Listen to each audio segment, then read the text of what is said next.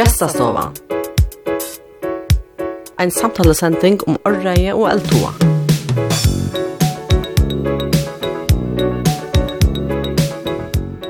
Eit gammalt åratak estade fra er at det er større at vinna av seg sjálvon enn av enn heilom boie. Hetta var sjálvande skriva ta i boier var jeg rokna som løyde lånt som kappais vi æra boier. Men kvart inni eldre hetta at vinna av seg sjálvon. Det er velsdom, men i hverjen fyrir jeg tala om affæra fra nøkron som ikkje rikkar, og som ein korten jeg vil hilde fast og i lunge til han ikkje kjenner negra losjen. Ta er det folk som får eia seg sjolvan og få brøtje og løyve, kanskje færre det fra etingar og leie, alkoholbundenskapet, eller tjabundenskapet, som er ikkje avira sin egna tørv i en sosial og høpe. Dagsens gestur megnar jeg få innlit og dirvi at jeg har aper seg sjolvun av fremma og hever i det et bråsande godt løyv. Kanskje kan det være trobult at hos som arrei og slukon føre, men trygg mer det krever større arrei enn en heil herfer mot i trångskiktene etla fyrir frie og i heimen etla vinna enn en heil boie. Til torrførere og første tøyene i nødja løvene kan det krevja stort arrei at halda fast i nødja stuene som kan kosta og i vinarflotjen noen. Oftast krevs det at ein snærar tilverden i 104 stion og så attermerker at ein nestan byrjar av nødjon. Lorta bæra, henda løtan verur avavert.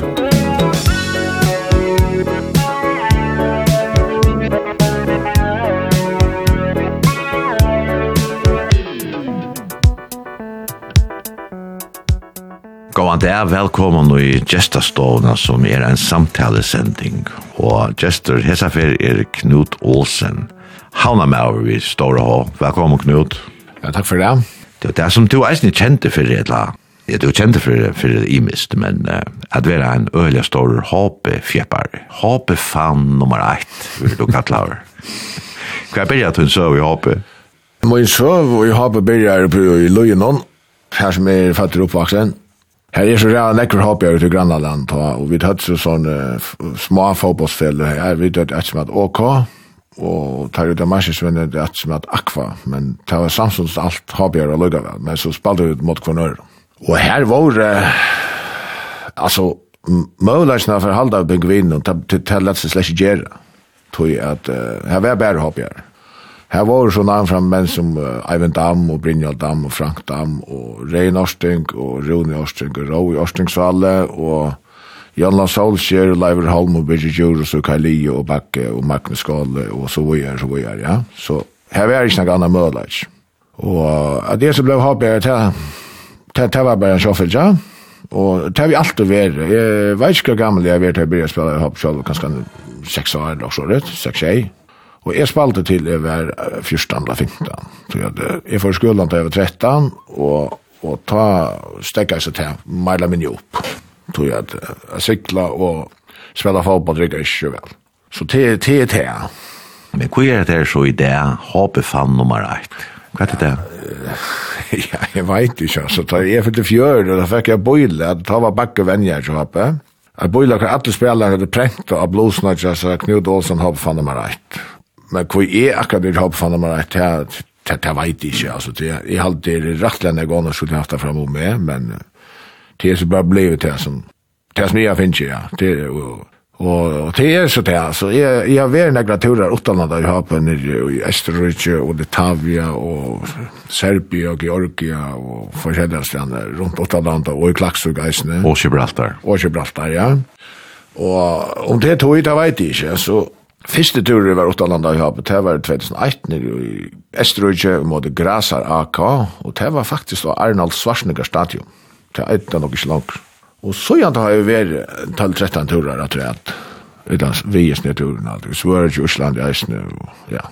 Og til å damme meg vel, men nå har jeg ikke vært enn jeg tog i. Nå har vært korona, og jeg skulle til Finland, så da er pappmån, min, så taler jeg kjøler fyr. Så jeg har ikke vært nå i fyra år alt. Men det er nok å skrive, altså, håpe fan nummer 1, postnummer 100 Torsson, så kommer brevet fram. Ja, jeg pleier å få jalla kors ur norra. Han skriver bare det, og så kom det fram.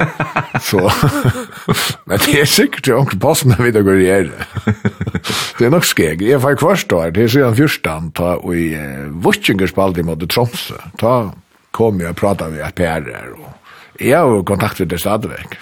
Ja, ja, det er vi. Så det er nok skeg. Att du helt finns ju öra nog samband jungna der hoppe. Ja. Eh akkurat nu um, för fem minuter sedan då fick jag ett SMS från henne i Malmö som uh, Ta var alla Malmö fjäpparna var inne i Chamär och är en disten då jag hoppas på mot Malmö. Og så da så så Eisner samband kom her, og eisne vi kallar for hobby fann nummer etter Kastrup, Frankvist, til Eisner i Jøknape, og så det er jo jo, man får ekka viner på den maten, altså, ærvesmata. Og så skruvar det olika som volymerna sen där uppe på og spiller på at det havna menn mot bygda månen och ja, og klaksing og ja, ja. Parkering i havn så tänkte han mynd och så at det det må være en klaksing eller bygda män som parkerar så skarft. Ja, ja, altså det är uh... Alltså det det det, det är alltid byggt men det där då jag kör bil och så där. så det, Tar du ikke så ikke fullstoppskilt ju så. Jag hade inte tusen bullar deres fullstoppskilt, men tar bara ska jag skaffa vel, og beint og er en vi vi får ner da tok jeg at han bullar en bil. Så jeg vet ikke, inte, jag är störst några annan det ikke bullar så det ikke kvar jeg för. Och det kör onkur bilar nu jeg ikke å si at det er bigta män som en och det ska vara vi och ensrätta ner mot någon skolan så. Ja ja, det det är bigta män. Det det er ikke vad. och ta reagera kvar efter du skriver att det här eller lägger som de inte ut så för att det strupa vi med. Ja ja. Det är det stort vet då. Tar är snämre arbete på. Så det det det är det stort lätt ja, det blir då. Men alltså jag blåa så är det verkligen bigta mer. Eh ja, det ser onkel men alltså jo jo, det är det nog men är det fötter uppvuxen i havn och och en alvorlig en hopp av kvarter, så er jeg han med.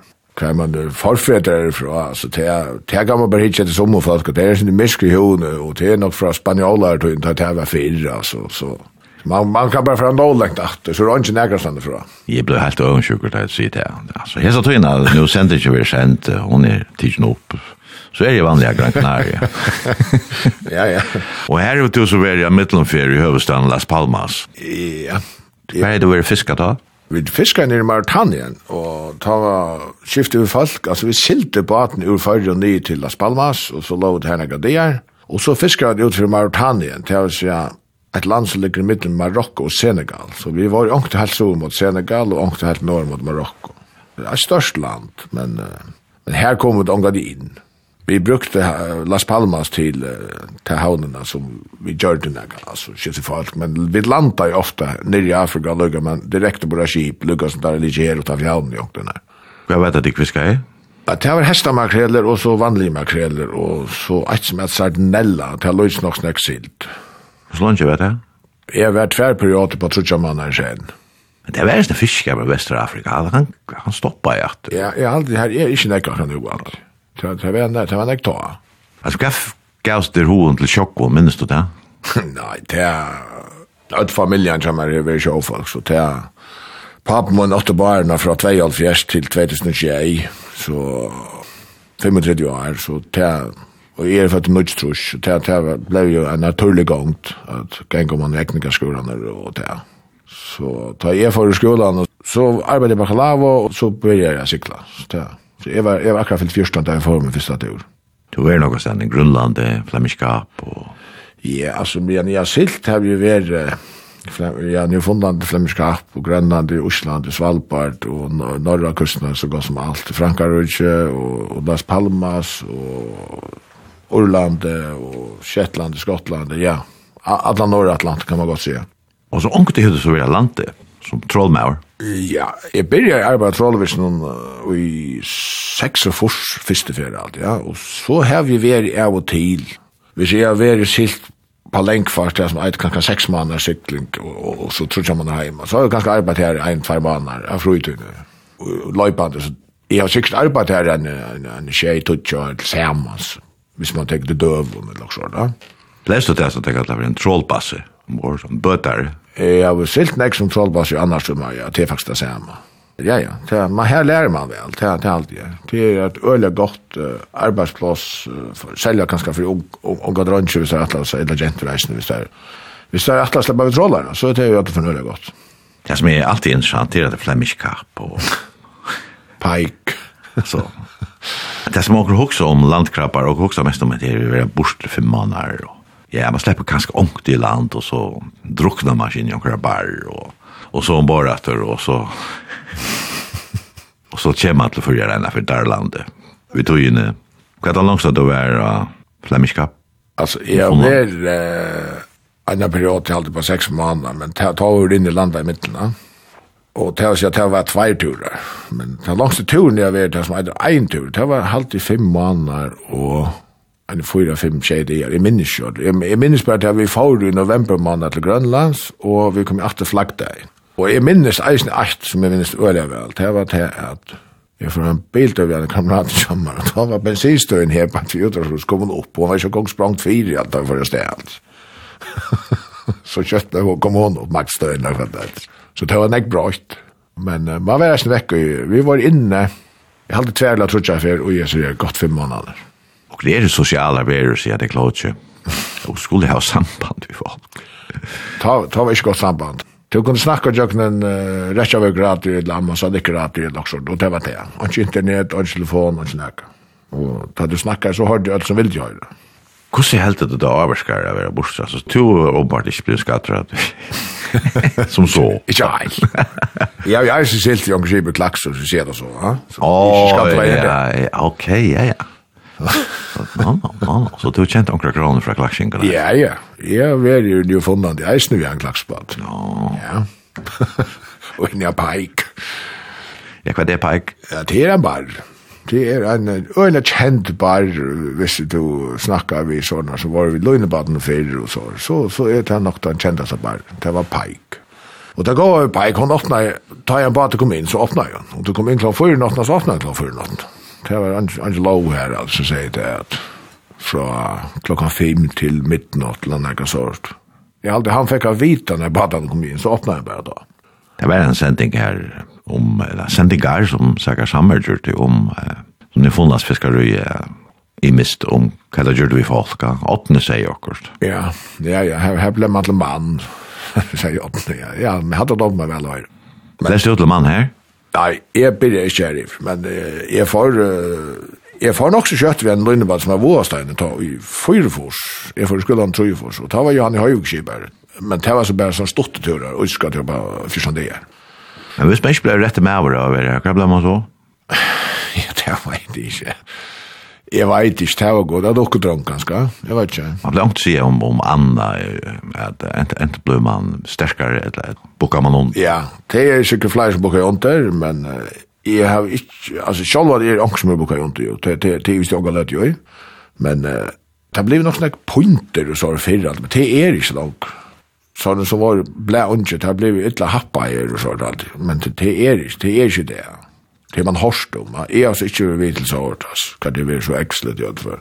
Men det var så langa vakter som kunde, kunde gjøre enn ilt, da? Ja, ja, altså, da jeg var våst, da, da hadde vi ikke kyrka 18-6 alltid.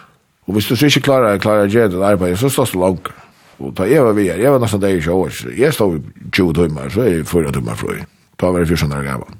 Men ikke tog, jeg var nekker så hjalp meg å lukke vel, altså, for jeg, jeg fikk slett ikke, jeg slapp slett ikke kodgen til, til, til, til, til, til, til, til, til, Jeg får gå og jobbe for at leire her. Gestastovan.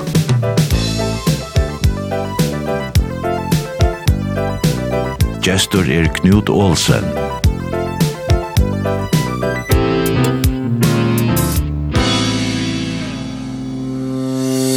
Men eisen til fikk jeg synes jeg har problemer med tilvata på et eller annet tørspunkt.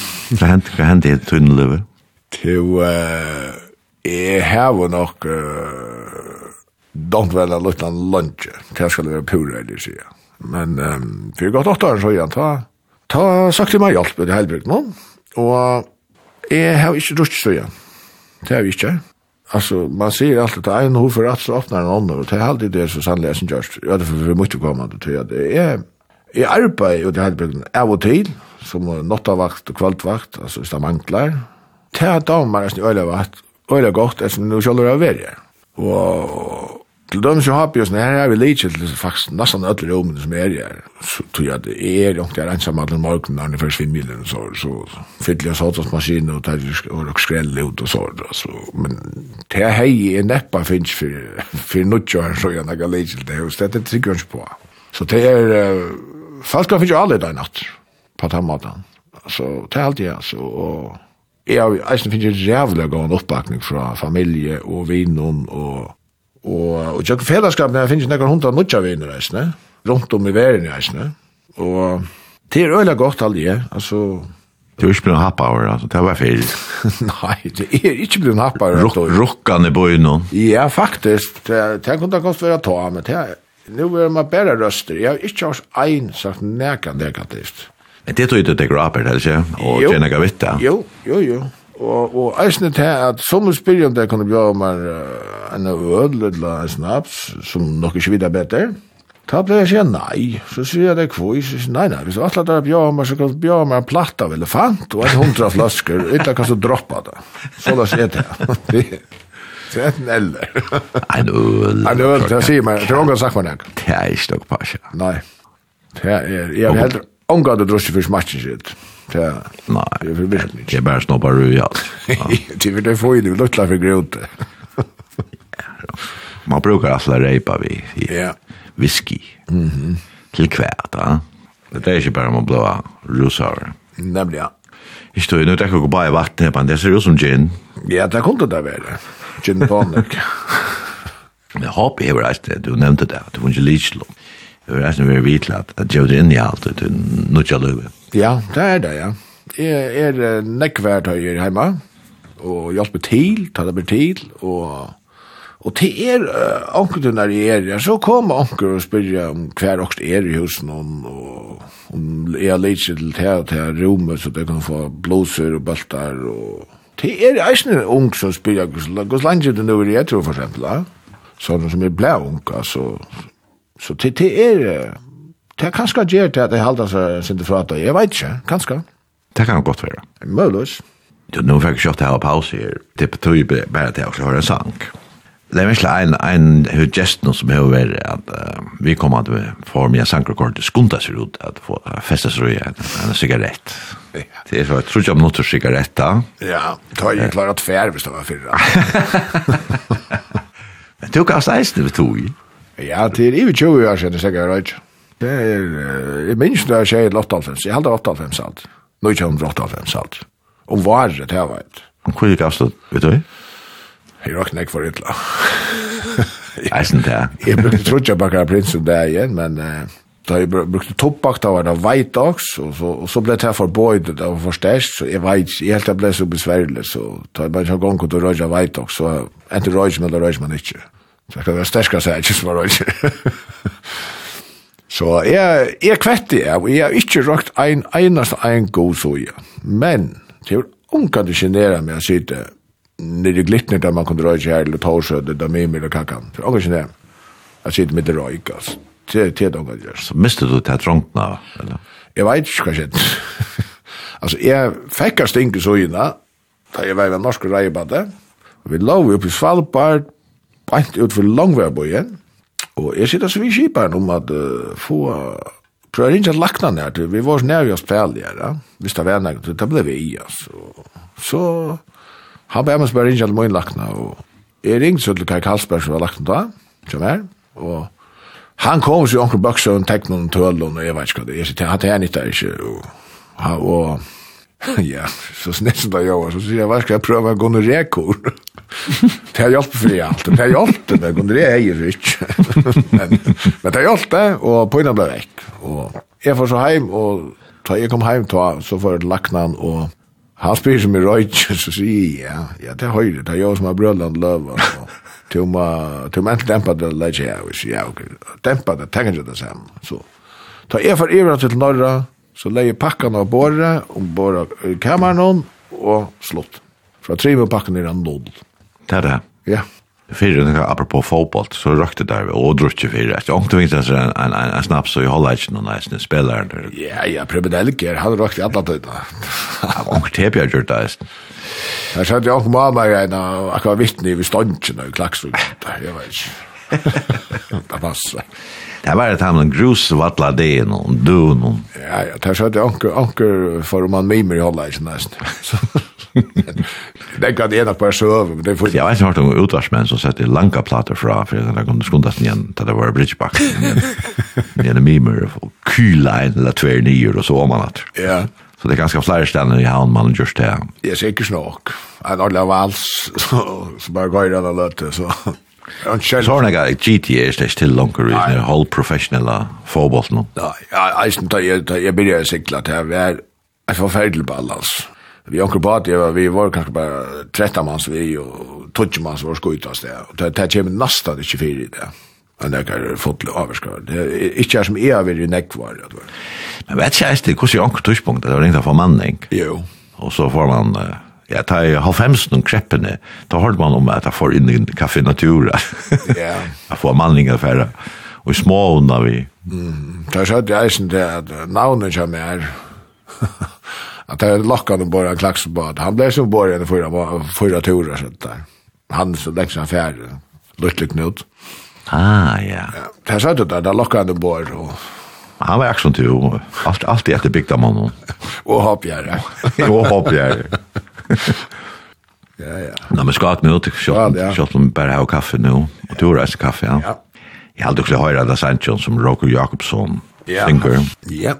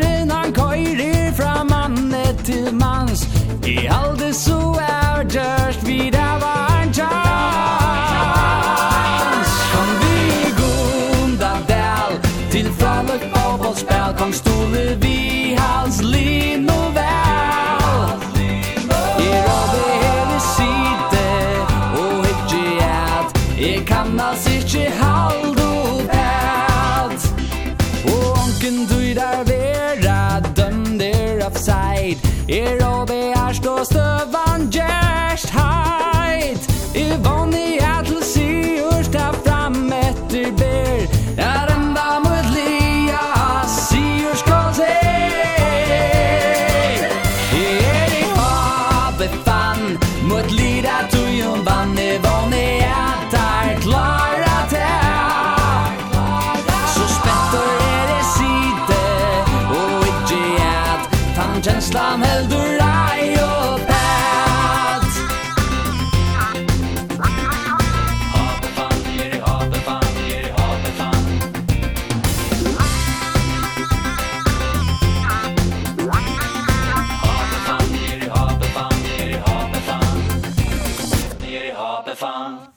håpefan.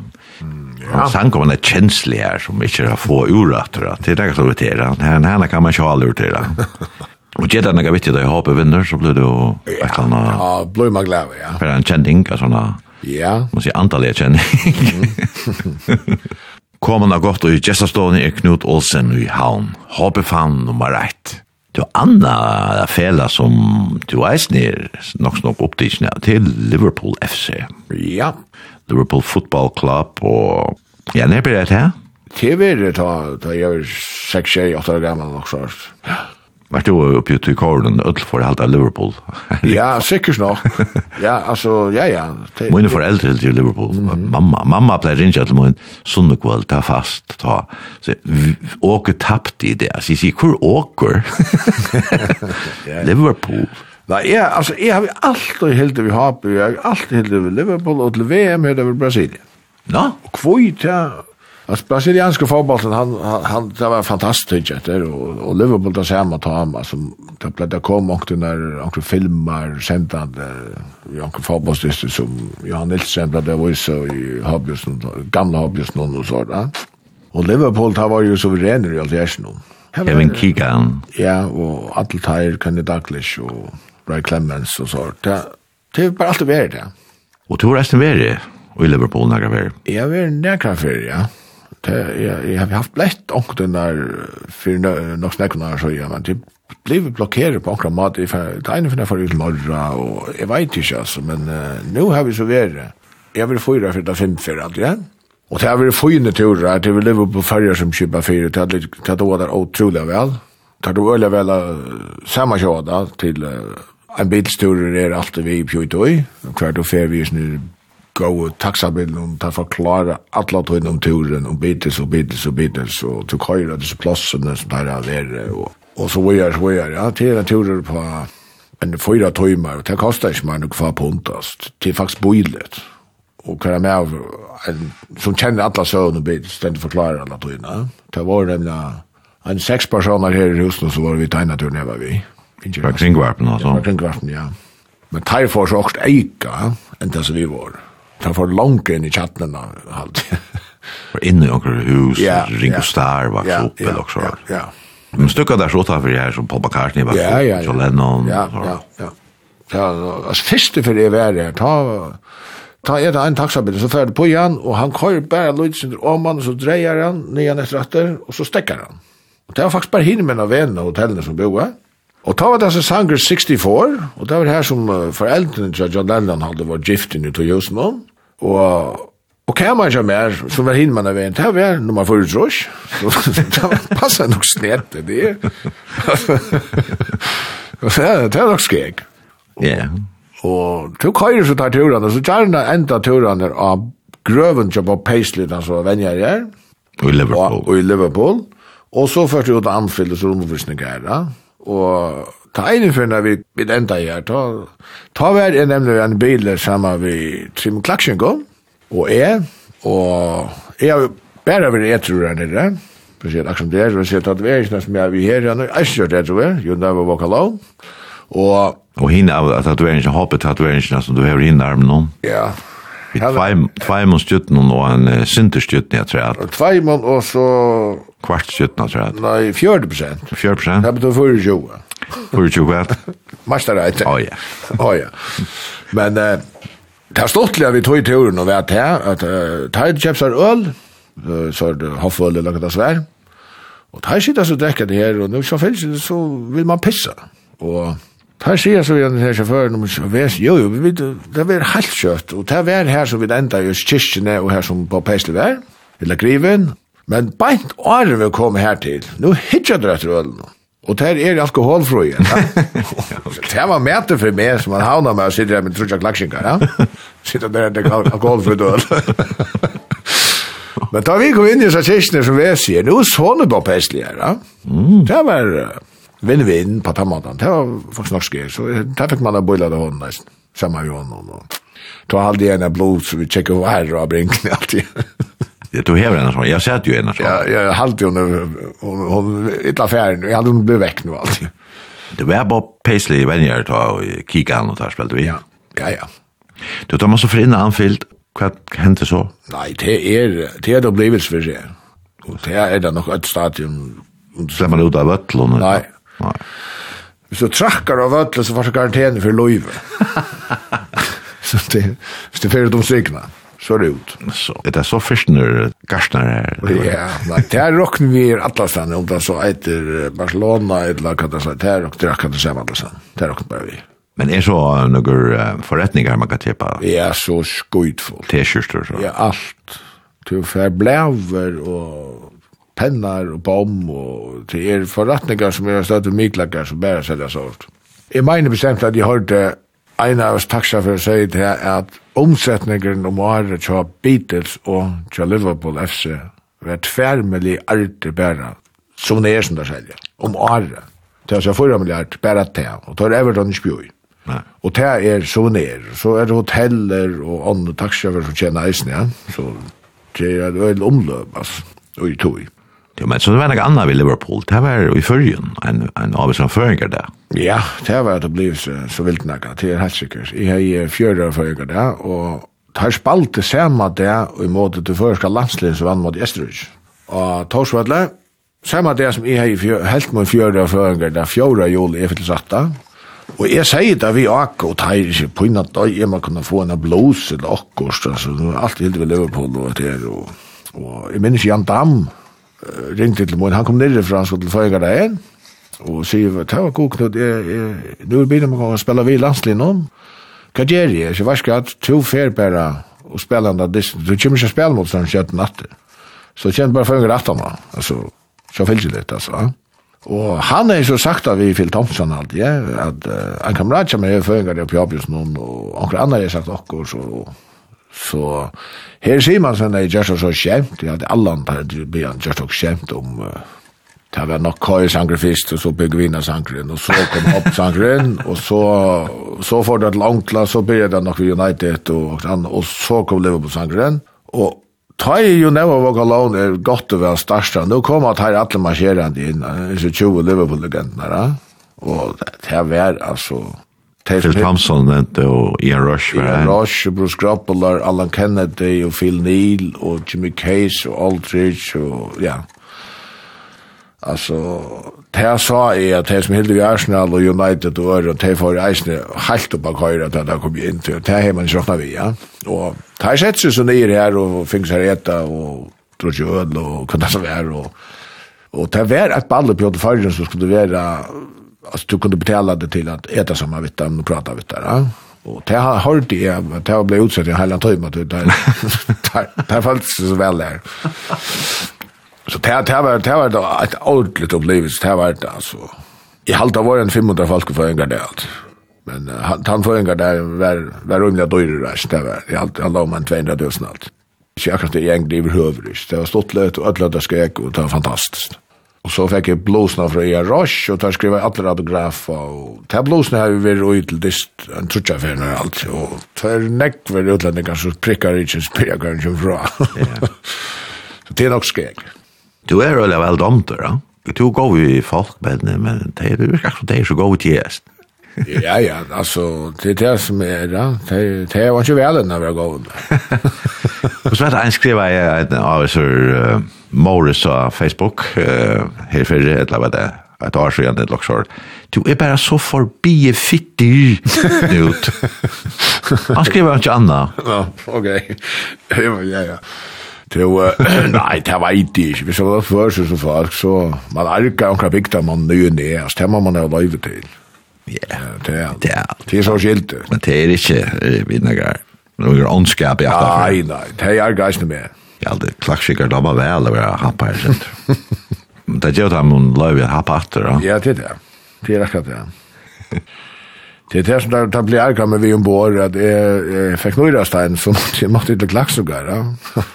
Men jeg vet ikke, jeg halte skott ikke om at han nøyrastein. Jeg måtte lal på hva fjerne, og det var bengelig for å forende bjøtjen med alt det. Det var kjært å hitte en av avvisa danska dame som heter Tina. Uh, nei, nei, nei, det er noe ikke en så, det er godt å være ja. Jeg tenker uh, vi ikke kunne lade henne. Ja, det er, jeg ferdig nye morgen. Hon var her for stått hon og... Ja, det tror jeg vikst, ja. Tykker klingar vel sammen alt, ja? Jeg halte det, ja. Det er godt nok til at det er uh, sin lengt i middelen, men uh, jeg vet ikke, det er tvert om jeg flikker til Billund, og så bor hun tru kvarter herfra, så det er Det er ikke øvrigt, men jeg stod og bor i køyen i et smil og sykla til Sorger. Så... Det er ikke diskuteres politikk og sånn. Nei. nei. Det er tog med du er litt annars, va? Nei, jeg ser meg ikke for politikk. Jeg kan ikke gjøre noe for arga folk, det kan det gå. Nei, bare rongt du. Ja. Ja, jeg har sett at du har lagt dere ut i samband med akkurat fucka ting svæl, et lagt sort, det har vi sett. Det er, hvis jeg har vært litt det, så spammer jeg bare folk, vet du, så frier. Så det er for ikke skilja til ikke Nei, nei, nei. Det er det er alltid ikke, nei. Jeg helst hun om førjer og førjer? Hun damer vel førjer, og hun forstendte det meste av førjer seisene. Nå, hva er hun lørst til? Det er noen apper alltid som hun finner fra en som jeg arbeider som er vi. Mm. Hun har en dansk kjeik, så han bruker det, så hun finner noen app som er hundre år om viken eller et eller annet. Jeg vet ikke. Er hun ombord av Jakobsverra? Ja. Ja det en nutjver til det, Jakob Sverre. Ja, i forhold til Max Heinalsen er det en nutjver, ja. Det er det. Hoskar er vel til du nutja etrua løvstøyl og sier at du du er vi snir allmänna skipen som kommer i land och du har en rymlig frytøy, och... Ja, det er det. altså, jeg har finnet utrolig god oppbakning her fra Eisne Berg för att han har det vet jag snett Gustav som är er alltså och ombord Eisne. Ja, det passer meg vel, Så Jeg har silt oppi 11 måneder om året, og jeg jeg, jeg, jeg tog meg ikke mer, altså. Så jeg forstår. Det er Halvt år bor, halvt år hjemme, det passer meg fint. Så det er ikke akkurat vakter ut i heilbrykten og det mangler, og hvis jeg har ro i det. Skal det være her i sommer, heilbrykten neisne? Skal nok en av i august alltid, ja. Ja, det kan være at det er akkurat Arne Ollarskøy, det vet jeg. Ongt er det så knappt, og til, tar man så bor i havn, så hvis det er onker som uh, ikke vel, altså, man kan jo ikke komme ut av så det er for kåles, ja. Så det är inte gott att komma ut av så smittar det här. Och... Vad är det akkurat din oppgave om bara jag svär? Nej, er däckar vi er. Det er, uh, nu har vi sett bøyer ut nu, strömböjer og så försäljligt. Og, og så er vi til Svarskalva og så nu det er enkel, Inkel. Hittar till Bonten for Nageta og försäljligt. Så det er, det er så nekvar oppgave. uppgave. Men jag har bött ombord her? Ja, det er det vi fiskar vi trådle og flautetrådle og inkeltrål og til nekk forskjellig slå trål og, og greier er forskjellig. Og... Tenk deg så i havbått nok, du? Ja, det gjør det. Og det skriver jeg vidt. Det, men vi er jo alle hva mann er. Og her er jo folk som har vært nekkvar. Vi da, har vært i sånn i det og heira. Ein som er vært tjeje til å vi, og ein som er vært 25 år vi. Så det sier jo ikke. Så det er jo så lød jo om det, men altså, det er jo en som måner med himmel og helvete, altså, jeg mener, så vis uh, Flemish kapp og ena kamar om bara jag och Ja, ja, men altså Max Einarsson her er du dubbelkammar och fyramanskammar og her var inte vask, da ves väs uh, i en främsta kammar så jag måtte nesten att det är kunne bosta tenn, altså så det er store månader. Og nu har vi väs brus i alt i den kammaren. Så det er, det er store månader. Og kockor och gåvor, han dog och sånne ting. Ja, ja.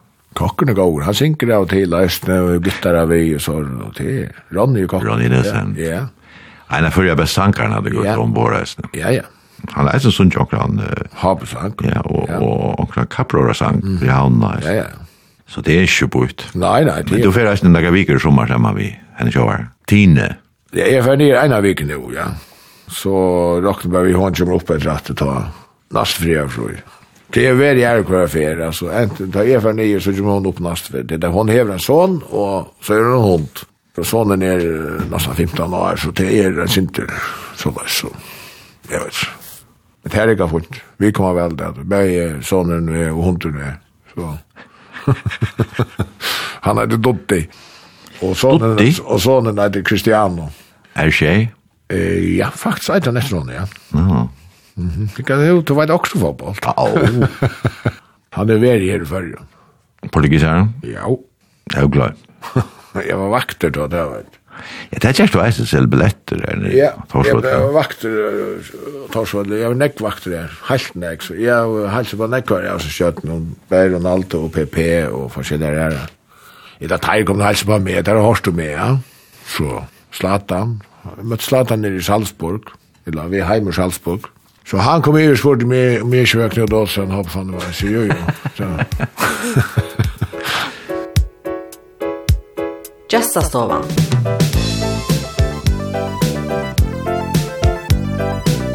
Gestor er Knut Olsen.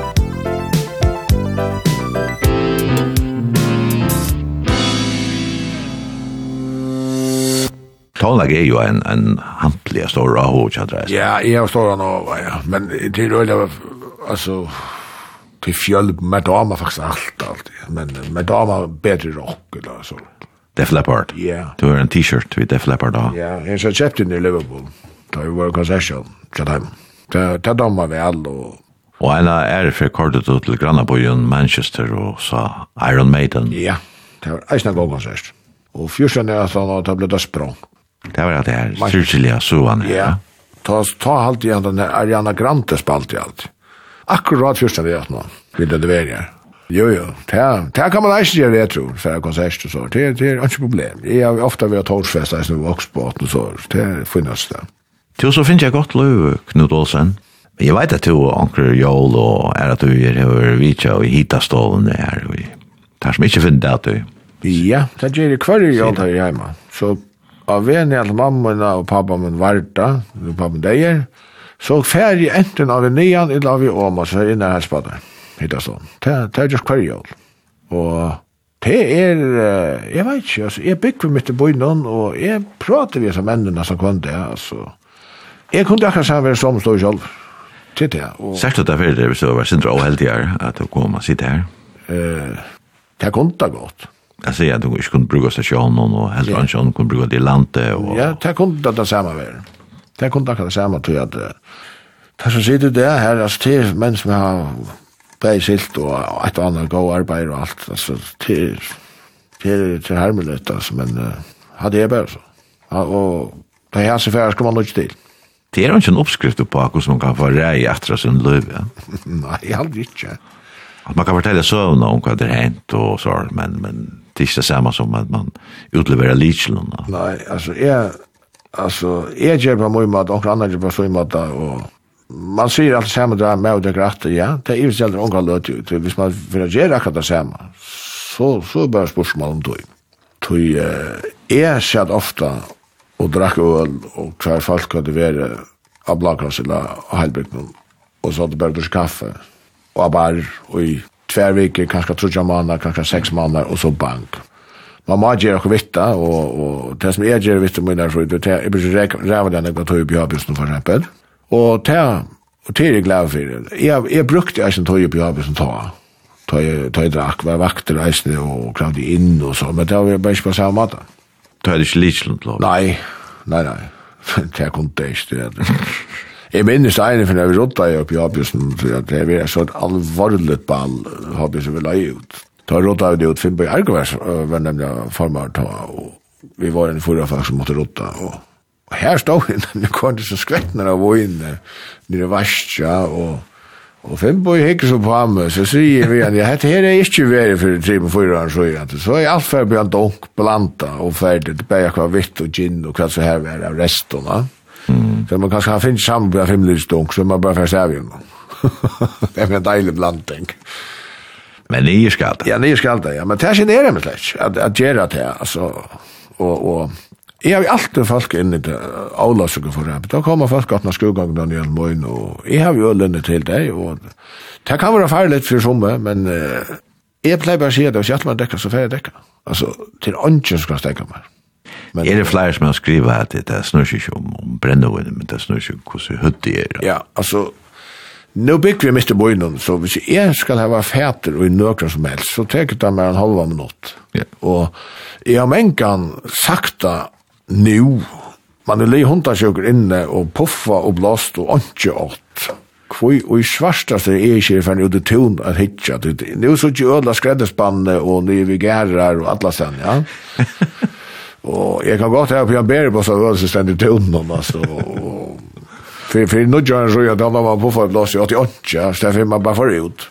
Mm. Ta stolta bare her, så... Ja, det var så opp her ute i løyen om, og... Men nå bor det så midt og jan. Ja, midt og hjertan. Det kan ikke være mer midt og... Og tog hjertet til jeg boka seg med vi bor noen. Ja, ja, ja. Men jeg har ikke noen ganger om det, det er ikke og for at enda sendte ikke det jo. Kunne halda fast i at det er sørste som jeg har tås om at det er som jeg nevnte hva jeg lyser man kan og jeg er lyser man kan at uh, hvis man skal ha godt løv og det er sin galt han for andre enn avhengig folk at, at det beste løsningen er at det er en dag sen. Ja. Jeg vil være kjenslig til stier en dag sen og ikke ikke ennast i fremtiden og denne og men at det er vi forstøyne det er bare jeg gitt at det er menes vi at man irer ikke ofte enn noen forstøyne og om man får fri igjen? Nei, det er det ikke. Ikke så, nei. Jeg, altså, det er ferdig, altså. Jeg får ikke brøtte på at, altså. Jeg, jeg kunne selv aldri være ferdig her, og finnes meg hjelp for 25 år, så jeg for så vidt, men jeg får ikke brukt det til nækka som helst. Det er der enn det.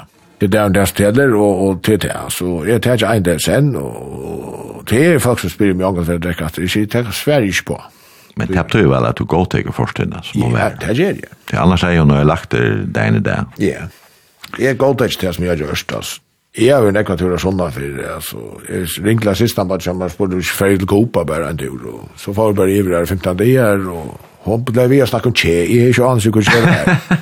Men da var han nekva meg kjent en Fidel Castro, og så tar jeg er, altså. Og rukter av Norrønne, så det er egentlig ikke av altså. Det var skrek, men til færre. Han var føringer der som jeg tar til jeg fylte fjøret, og så fylte jeg alt rush, det var jeg, tror jeg. Bare de var fantastiske, men på hver sin måte. Det er, det er bare det. Det finner noe mer værende virer i det, til dem ja, nu kan det, kærleika. Ja, just det, ja. Men uh, nu kan man nesten spekla, så burde man jo være Ja, jeg vet. nei, jeg hade ju gjort något bort da, över varför det var mer altså, jeg gjør något mer bort for meg selv, altså. Så jeg gjør det omgang, jeg omgang det slagsmål eller nekka som helst, altså. Og jeg vet ikke om det er skjeldt, altså, det fotlet, det kjenner jeg ikke til, altså. Ikke nekka var litt i hvert fall. Papadun, han fort lærer for tve år siden, og ta fyllt jeg det her vi er, one day at a time. Ja, det gjør det. han, han, for, han døg i dagen etter jeg fyllt jeg alt rush, og han levde rettelig ytla, og Døtteren til Benjamin kom heim en torsdag eller mye der, og Benjamin kom heim frutja der, og fasten kom heim leier der som jeg er i føringer der og han døg i sundag, så er, er det rettelig sikker på han å bo i. Jeg sier da vi mammun til at Verald det at han akkurat fer han da leier den her, var sikten så boja vi rinja til meg til føringar den livora, og vi er runda sikker på at han har stått ut. Den eldre døtten Shabbatja, men jeg hikker på alt samme kvalt, Og han platt jeg koma for forbi kjem jeg klokkan halvkon tutsi om morgenen og få seg kaffe mån, og kvann sånne morgon, da jeg var heima, så kom han for boi, og så klokkan godt tutsi, jeg lusser ut av noen, så klokkan godt tutsi, så får jeg av fond, fellesskap noen, og han får jeg opp en ebneser, jeg lusser ut av kåren og er en møte, og tei, vil du så gjerne slipper å synge fyrir næstene, og jeg hei så byrje, byrje liljen av fløten av den fyrir at jeg kunne synge tannsangen eisene, one day at a time, men det ble av førskon, vi åtta bass og det, tannsanker seg time. Og det var jeg øyla glad for. Og så fikk han en seksar av munt i håndna fra meg, som nu ligger det jævla basse. Tapp du gjør, du var etru seksar? Ta er vi etru seksar, ja. Nu er det for å få på åtta. Men Platebaren hevur du yngst en utgave til Joe Walsh av One Day at a Time. Ja, det er tog at uh, selja videoleie av tog i Damer så veldig vel, da han sier My best friend vodka. Og så sier han ta at han er ved og at han er aldri nok skjørt alt. Ta damer og at han utsikker det. Selja. Så er det, han, er det det samme som han uh, sipa til her som dere har pratet om nå? Ja. En dag sen? Ja. Og det er en dag sen, altså. Det er ikke garanti. Det, det, det är bara det, alltså... Lever här och nu. Lever här nu, alltså. Men uh, som jag har sagt, som ja, inte sen, inte sen, ja. Alltså, inte tycker att lån i en där, alltså, det är inte allt som du kan leva inte sen, det blir slik stil. Då jag köper mig en blett nio, så köper jag en sten fyra, ja. Nå, det köper han och i löten eller gå. Ja, ja, det är det. Men, uh, nei, nej, en där sen, så, så er det. Så, så gånger det nok, altså. Du, du vet ikke hva det er en morgon sier. Du vet ikke hva gånger du har lov i morgon. Tag gløtna. Ja. Italskan er Carpe Diem. Er det der? Ja. Ok. Tag alla nu. Mhm. Det er sikkert du er i morges der. Nei, det er det som det er. Knut Åsen, jeg får takka deg for at du kom i Gjestastående. Ja, sjálv takk. Og okay, det er godt sommar. Ja, så med leies, og gå en tur i Luggan Kanariet etter kommer her. Ja, takk for det. og grøyre Joe Walsh.